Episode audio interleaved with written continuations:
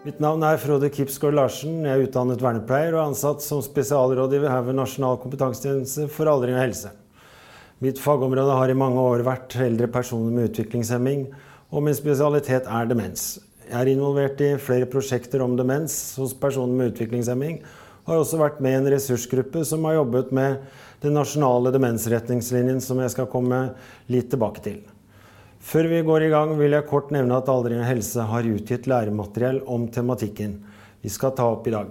Og bl.a. en lærebok om aldring og utviklingshemming, som har et omfattende materiale om demens. Personer med utviklingshemming er en, spesielt de eldre utviklingshemmede, er en underprioritert og sårbar gruppe som i mange tilfeller møter helt spesielle utfordringer. Selv om ikke det er den største pasientgruppen, så berører det mange og vi vet mange i behandlerapparatet er usikre på hvordan de skal møte personer med en utviklingshemming. Der hvor det er mistanke om en demenssykdom. I bildet er det brukt symbolikken med et puslespill. Vi er sammensatt av mange brikker, og når noen brikker blir borte, så merkes det. Når en får en demenssykdom, forsvinner brikkene sakte, men sikkert. For personer med utviklingshemming blir det på akkurat samme måte. Alle brikkene må være på plass, og en merker når de begynner å bli borte. Bildet er kanskje litt annerledes for personer med utviklingshemming, men alle brikkene er like viktige her som for alle andre. I denne forelesningen skal jeg ta for meg demensutvikling hos personer med utviklingshemming. Jeg vil fokusere på det i demensforløpet som vi erfarer er spesielt for personer med en utviklingshemming. Av spesielle grunner som jeg skal komme tilbake til, vil det bli et særlig fokus på personer som har Downs syndrom. Jeg har tenkt å disponere foredraget med at jeg først forteller litt kort om utviklingshemming, forekomst og forløp. Litt om nasjonale føringer, forekomst av demens, og så spesielt om Downs syndrom og demens. Deretter diagnosen og utfallet med demens, kort om behandling og medisiner, og til slutt litt om pårørende sin situasjon. Mye påvirker aldringsprosessen, og det er noen særlige utfordringer vi møter hos personer med utviklingshemming. Det er tre perspektiver vi hele tiden må ha et overblikk over. Det er det biologiske, psykologiske og det sosiologiske perspektivet. For å kunne gi god og riktig behandling og oppfølging er det viktig å oppdage tegnene på demens tidligst mulig. Da må vi ha en oversikt over og kunnskap om betydningen av hva som skjer med kropp og sinn i alderdommen. Vi kan ta, forstå personer med utviklingshemming ut fra disse tre perspektivene, men det er også her vi må følge med for å oppdage de tidlige tegnene på en demenssykdom. Men hvordan er det så å bli eldre med en utviklingshemming? Først ser vi på det biologiske perspektivet. Alle kroppen, kropper eldes, og det som skjer i kroppen, skjer også for personer med utviklingshemming. Men i tillegg vil mange ha noen spesielle utfordringer som skyldes gener og opphavet til utviklingshemmingen. Dette kan være ulike funksjonshemninger, det kan være nevrologiske vansker, endokrine utfordringer, sansevansker og andre tilstander. Og som kommer i tillegg til normale aldersforandringer. Det neste er det psykologiske perspektivet. Det å leve et langt liv med å mestre ulike funksjonsnedsettelser kan gi en kostnad og krever mentalt. I tillegg vil mange ha ulike kognitive vansker som påvirker en i livsløpet. For enkelte syndromer, slik som Downs syndrom, ser man en høyere risiko for depressive lidelser og ulike syndromer kan gi ulike psykiske utfordringer. For mange med utviklingshemming kjenner vi ikke godt nok til hvordan selve syndromet påvirker aldringsprosessen, siden det for mange er historisk nytt at de blir gamle. Til slutt så har vi det sosiologiske perspektivet. Her tenker vi det som omgir den enkelte. Vi tenker miljøet, oppvekst og levesett. Mange har en oppvekst som er preget av avhengighet av andre. Og mange eldre i dag har også en forhistorie fra en institusjon.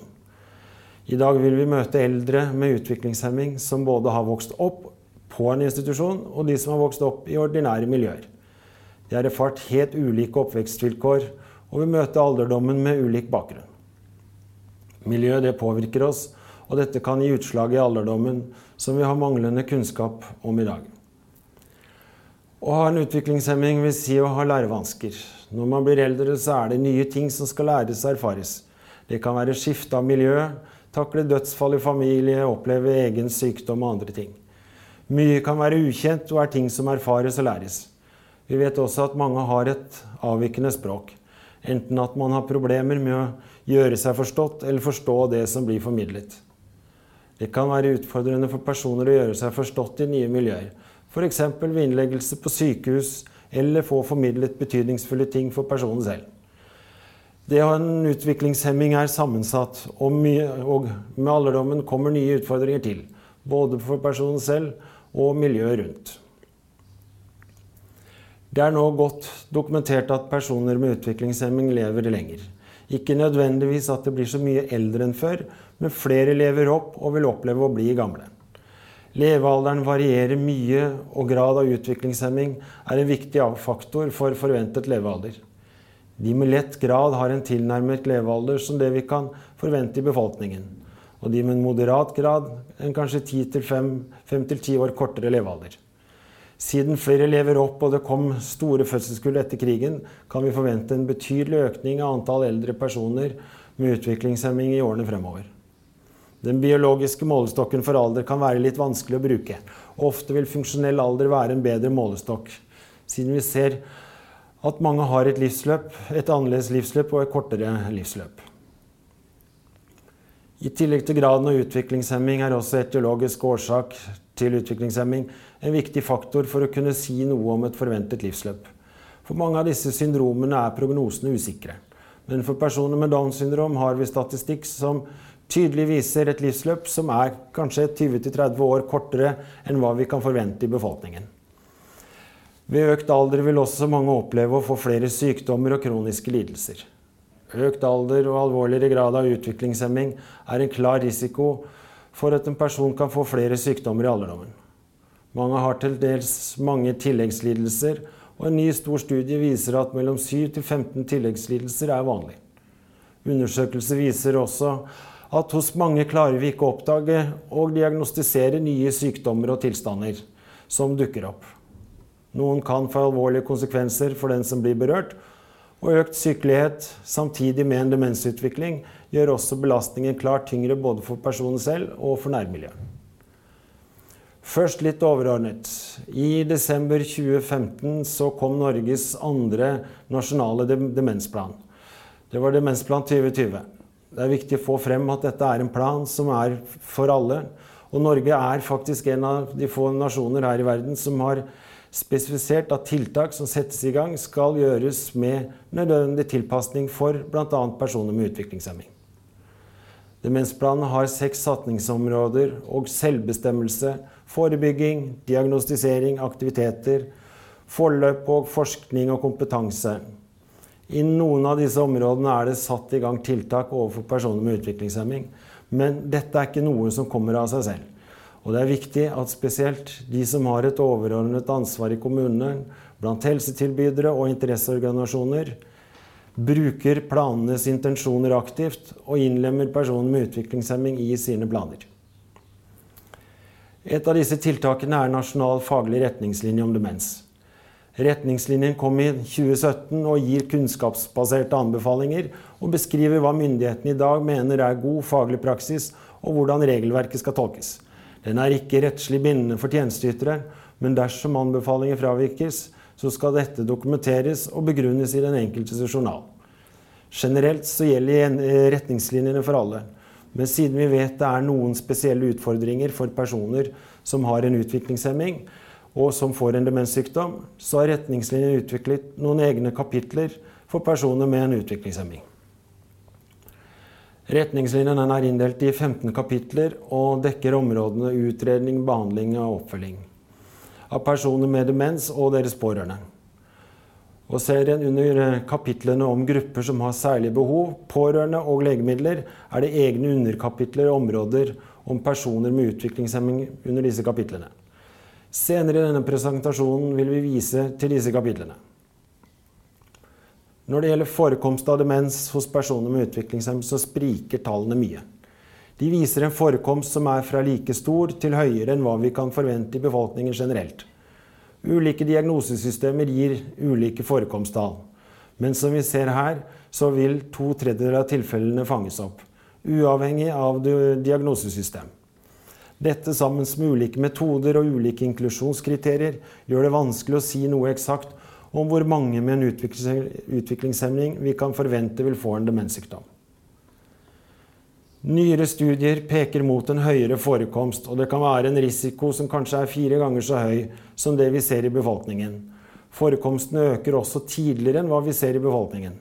Det er en kraftig økning etter passerte 65 år og en topp rundt 70-75 år.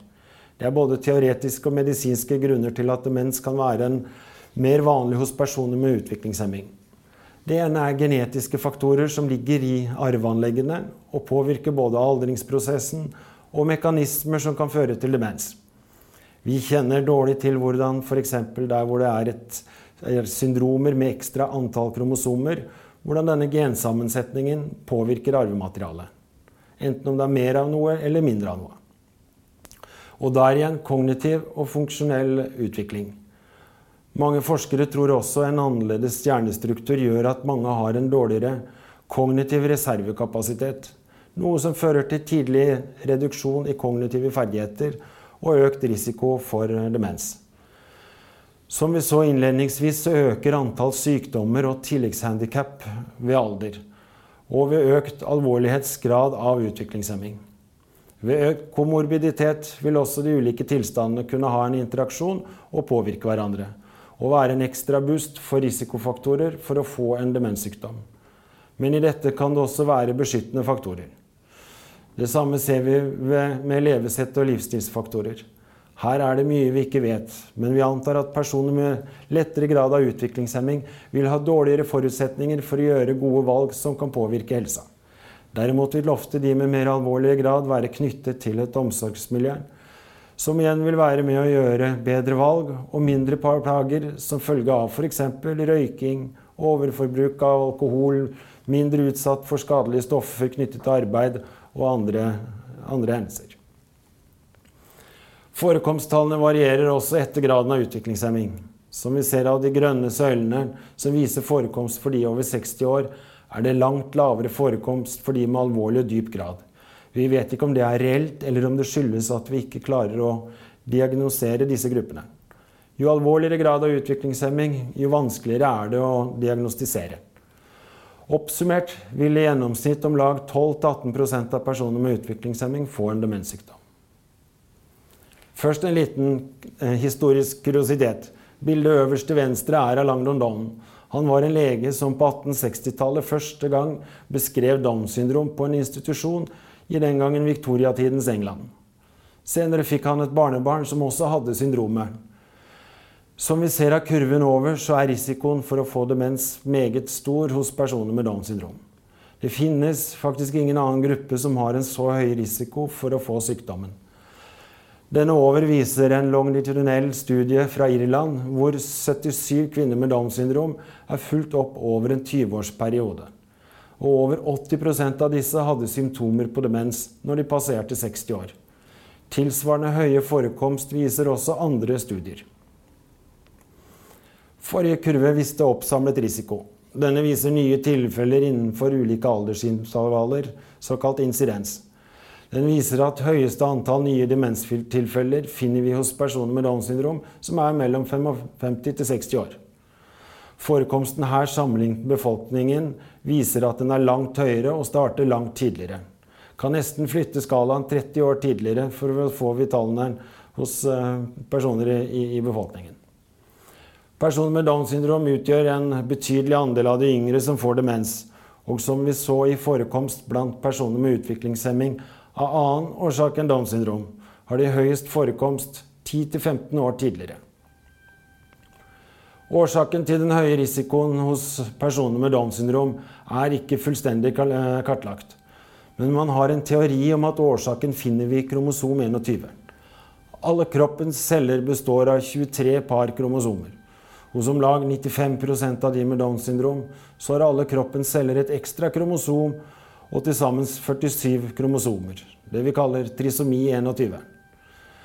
Kromosom 21 er en av kroppens minste og representerer kun opptil 1,5% av vårt arvemateriale. Men i dette kromosomet sitter også et sentralt gen for Alzheimers sykdom, og det er proteinet betamyloid. Det er dette proteinet som danner eller regulerer produksjonen av de senile plakk og tauproteinet. I og med et ekstra kromosom 21 så har de også en ekstra produksjon av plakk og tau. Dette klarer ikke kroppen å fjerne seg med, og de får langt tidligere enn de uten syndromet en opphopning av dette klebrige plakket og tauproteinet. Det fører til at tautrådene floker seg og ikke får sendt elektriske signaler gjennom cellen, og plakket gjør at den ikke får signaler fra en celle til en annen. Nevropatologisk vises tegnet hos så å si samtlige personer med Downs syndrom etter fylte 40 år. Avlæringen av betamyløs starter faktisk her ned i 5-10-årsalder. Til sammenligning kan en i befolkningen for øvrig begynne å se slike avleiringer fra 50-årsalderen. Men konsentrasjonen av avleiringer er ikke så store som en ser ved Alzheimers sykdom, før en når frem til 35-45 år. Etter det er økningen så stor at hos mange begynner en også å se de kliniske tegnene på demens. Spesielt ser vi dette etter 50 års alder. Studier viser også betydelige strukturelle endringer i hjernen som er signifikant forskjellig fra det vi ser hos de som ikke har en Downs syndrom. Amyloid hoper seg ikke bare opp i hjernen og ses ved plakk. Det er også påvist at hos personer med Downs syndrom så danner det seg avleiringer på blodårenes vegger og kan føre til hjerneblødning og senere igjen til en demenssykdom. Denne økningen ser vi som vist over, noe senere og i mindre omfang enn avleiringer vi ser i hjernen. Økningen er markert når de er mellom 30 til 50 år. Personer med utviklingshemming og personer med demens har utfall spesielt på kognitive områder som er mye sammenfallende. Det gjør det utfordrende når en skal stille diagnose. En skal se etter kognitive endringer på områder hvor de allerede har en kognitiv svikt. De siste årene har det også vært mange studier i befolkningen hvor en har sett på mild kognitiv svikt, såkalt MCI. Hvor en ikke oppfyller alle kriteriene for demens, men har en form for et forstadie til sykdommen. For personer med utviklingshemming blir dette en vanskelig målestokk. De har allerede en omfattende kognitiv svikt, og som blir ytterligere forverret, og igjen som vi mangler gode og valide instrumenter og metoder til å måle. Å i MCA blir derfor ytterst komplisert og usikkert, og vi gjør, vil gjøre en allerede utfordrende utredning ytterligere vanskelig. Vi har derfor ikke valgt å gå inn på dette sporet. Disse utfallene er ikke etter en bestemt rekkefølge. I intervjuer av ansatte er det sjelden at hukommelsesvansker blir oppfattet som et tidlig tegn på demens, slik det ofte meldes i befolkningen for øvrig. Ofte melder de ansatte om emosjonelle vansker og depressive symptomer. Årsaken kan være med at den bistand man gir, så dekker man over hukommelsesvanskene, og man har ikke systemer som er gode nok til å fange opp og systematisere de små endringene.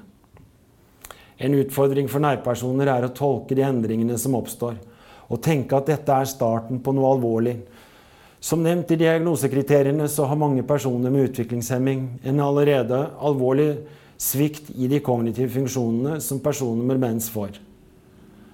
Mange har vansker med eksekutive funksjoner, som de å organisere, dele opp og gjennomføre komplekse oppgaver, som å kle på seg eller lage en kopp kaffe, de har redusert evnen til å undertrykke og kontrollere impulser. Mange har språkvansker, enten å gjøre seg forstått eller å bli forstått. Og Da sier det seg selv at en ytterligere svikt her er utfordrende å tolke. I utgangspunktet har personer med utviklingshemming de samme utfall som vi ser i befolkningen generelt. Men det kan vise seg eller uttrykke seg på andre måter, og det kan være vanskelig å tolke. I befolkningen generelt er korttids- eller episodisk hukommelse og språkvansker noe som kommer tidlig i et mensforløp. For personer med Downs syndrom ser man mer symptomer som er forenlige med en frontotemporal abdemens. Med personlighetsendringer, problemer med eksekutive utføringer og psykiske og atferdsmessige endringer. Disse endringene forsterkes senere ut i forløpet og kan være områder å følge med på, både som et tidlig tegn på demens og hvordan det eh, forløper. Selv om symptomene på endring beskrives som frontotemporal abdemens, er det demens og Alzheimers sykdom de oftest får. En utredning vil bestå av ulike deler, og ulike faggrupper vil være engasjert. Og etter kriteriene fra ICD-10 skal man se en utvikling over minst seks måneder. Så det vil si at ideelt sett bør det være to utredninger som gjøres med seks måneders mellomrom. I 2014 gjorde vi en spørreundersøkelse til eh, alle landets habiliteringstjenester og hadde spørsmål om verktøy, prosedyrer og antall utredninger de, utløp, de utførte i løpet av et år.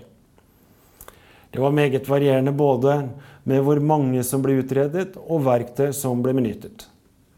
Undersøkelsen viste at det ikke er noe enhetlig prosedyre som gjøres, og det var mangel på spesialiserte verktøy for demens og utviklingshemming i utredning. En utredning bør bestå av ulike deler, og det er være seg intervju med informant og pasient. Man må kartlegge og utrede psykisk helse, fysisk helse og eh, ADL-ferdigheter eller dagliglivets eh, ferdigheter. Man må se på nettverk og sosial fungering og gjøre en nevrologisk vurdering med vekt på kognitiv fungering. Videre bør gjøre en somatisk undersøkelse med ulike laboratorietester og nevrologiske og andre relaterte undersøkelser. Til slutt må det gjøres en tverrfaglig vurdering og sammenfatning av det innsamlede og analyserte materiellet før en stiller en diagnose. Det er utfordrende å stille en diagnose, og en engelsk veileder mener at usikkerheten er fortsatt så stor at man ikke bør bruke ressurser på å fastsette alvorlighetsgraden av demens. Demens er en eh, sekkebetegnelse for mange hjernesykdommer og består av flere ulike demenssykdommer. Normalt deles disse inn i tre hovedgrupper. Det er degenerative hjernesykdommer, som er den største andelen. Deretter vaskulær demens og sekundær demens. Under degenerative hjernesykdommer finner vi Alzheimers sykdom. og Den er den største enkeltgruppa av demens, og ca. 60% får denne varianten. Eksakt fordeling hos personer med utviklingshemming finnes ikke. Men vi antar den vil være noe lik denne. Trolig noe høyere andel Alzheimers sykdom hos personer med Downs syndrom. Uansett er det vanskelig å skille de enkelte variantene fra hverandre. Og vi ser at personer med utviklingshemming oftest får diagnosen uspesifisert demens og deretter uspesifisert Alzheimers sykdom. Mye tyder imidlertid på at mange med utviklingshemming hvor det er mistanke om demens, ikke blir utredet. Vi har gjennomført en undersøkelse blant alle landets kommuner, og det viser seg at opptil hele 83% av personer med utviklingshemming hvor det er mistanke om demens, ikke blir utredet eller får diagnose. For personer med Downs syndrom er andelen 71% som ikke blir utredet. Dvs. Si at størstedelen av personer med utviklingshemming her i landet blir ikke utredet. Og Jf. med demensretningslinjen er dette noe de har rett til, og det skal faglig begrunnes hvorfor man avviker fra dette. Men de som skal gjøre utredningen, har noen utfordringer. Det er e- ingen enighet verken internasjonalt eller her i Norge om en gullstandard for utredning. Vi leter fortsatt etter gode verktøy og metoder. Men det er noen prinsipper vi kan følge, og det er viktig at det inntil det foreligger gode diagnoseverktøy, at, bruker, at de som utreder, bruker de verktøy som de kjenner til.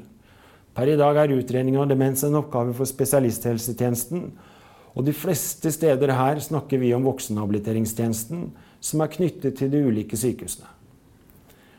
De har listet opp utredning av demens som en av sine prioriterte oppgaver, jf. prioriteringsveilederen som for habilitering av voksne i spesialisthelsetjenesten, som er utgitt av Helsedirektoratet. Søylene i diagrammet vi ser her, viser ikke noen absolutte forhold, men det er et forsøk på å illustrere at de ulike bestanddelene i utredningen vil variere etter hvilken grad av utviklingshemming den berørte personen har. Ulike grader av utviklingshemming vil kreve ulike metoder for å kunne stille en best mulig diagnose.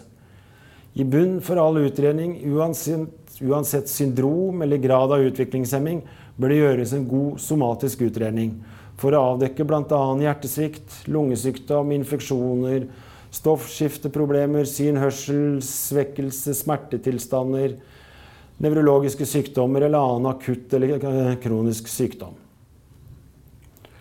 For en person med lett grad av utviklingshemming kan man trolig bruke noen av de diagnoseverktøy som benyttes for befolkningen generelt, jf. det som er oppgitt i Nasjonal faglig retningslinje om demens. De vil ha kognitive ferdigheter som gjør at de selv kan delta i testene. Men for personer i grenseland fra moderat grad av utviklingshemming og alvorligere vil ikke ha språk eller forutsetninger for å kunne svare på spørsmål som f.eks. MMS og klokketesten.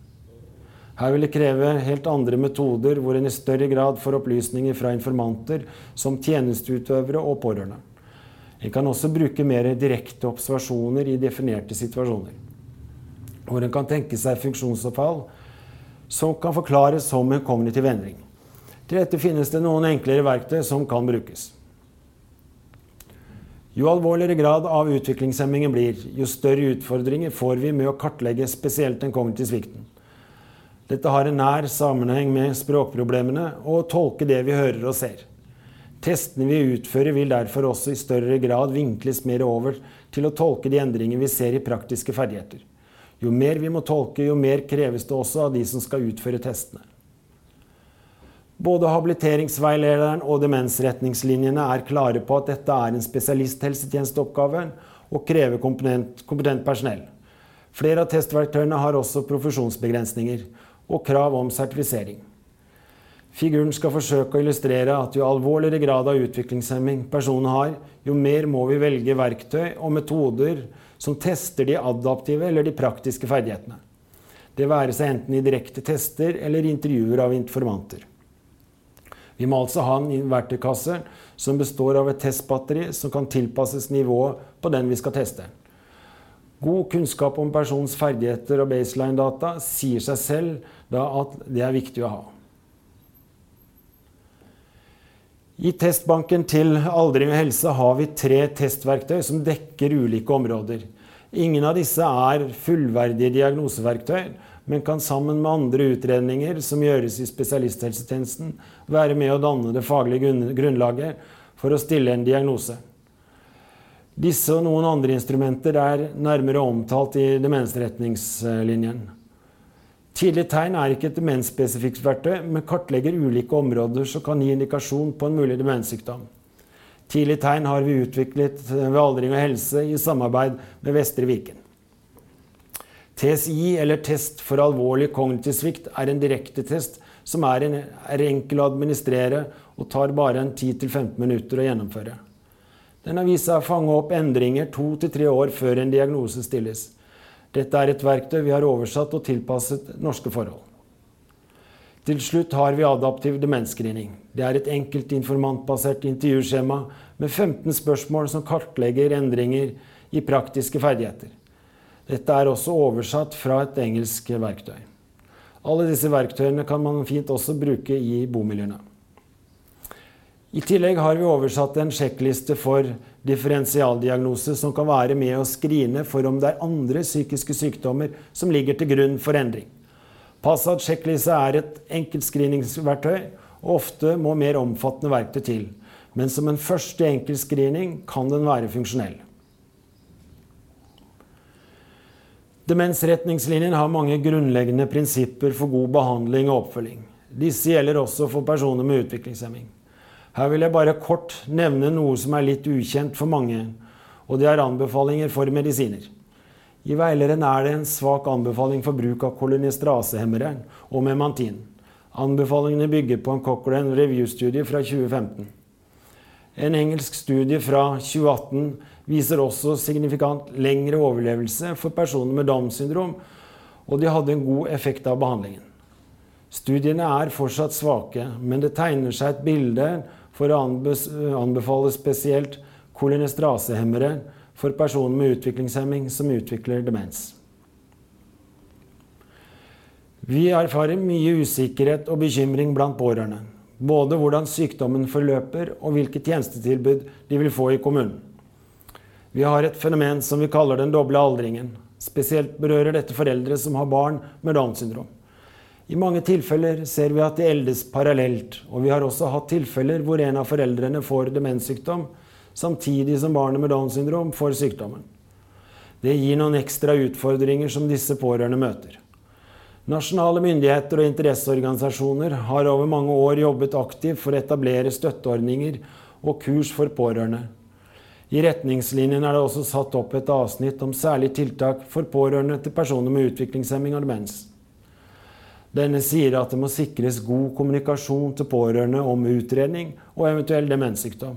Og personalet i bofellesskapet må påse at utredningen skjer i samarbeid og samråd med pårørende. Og at pårørende til personer med utviklingshemming og demens bør få tilbud om tilpasset pårørendekurs.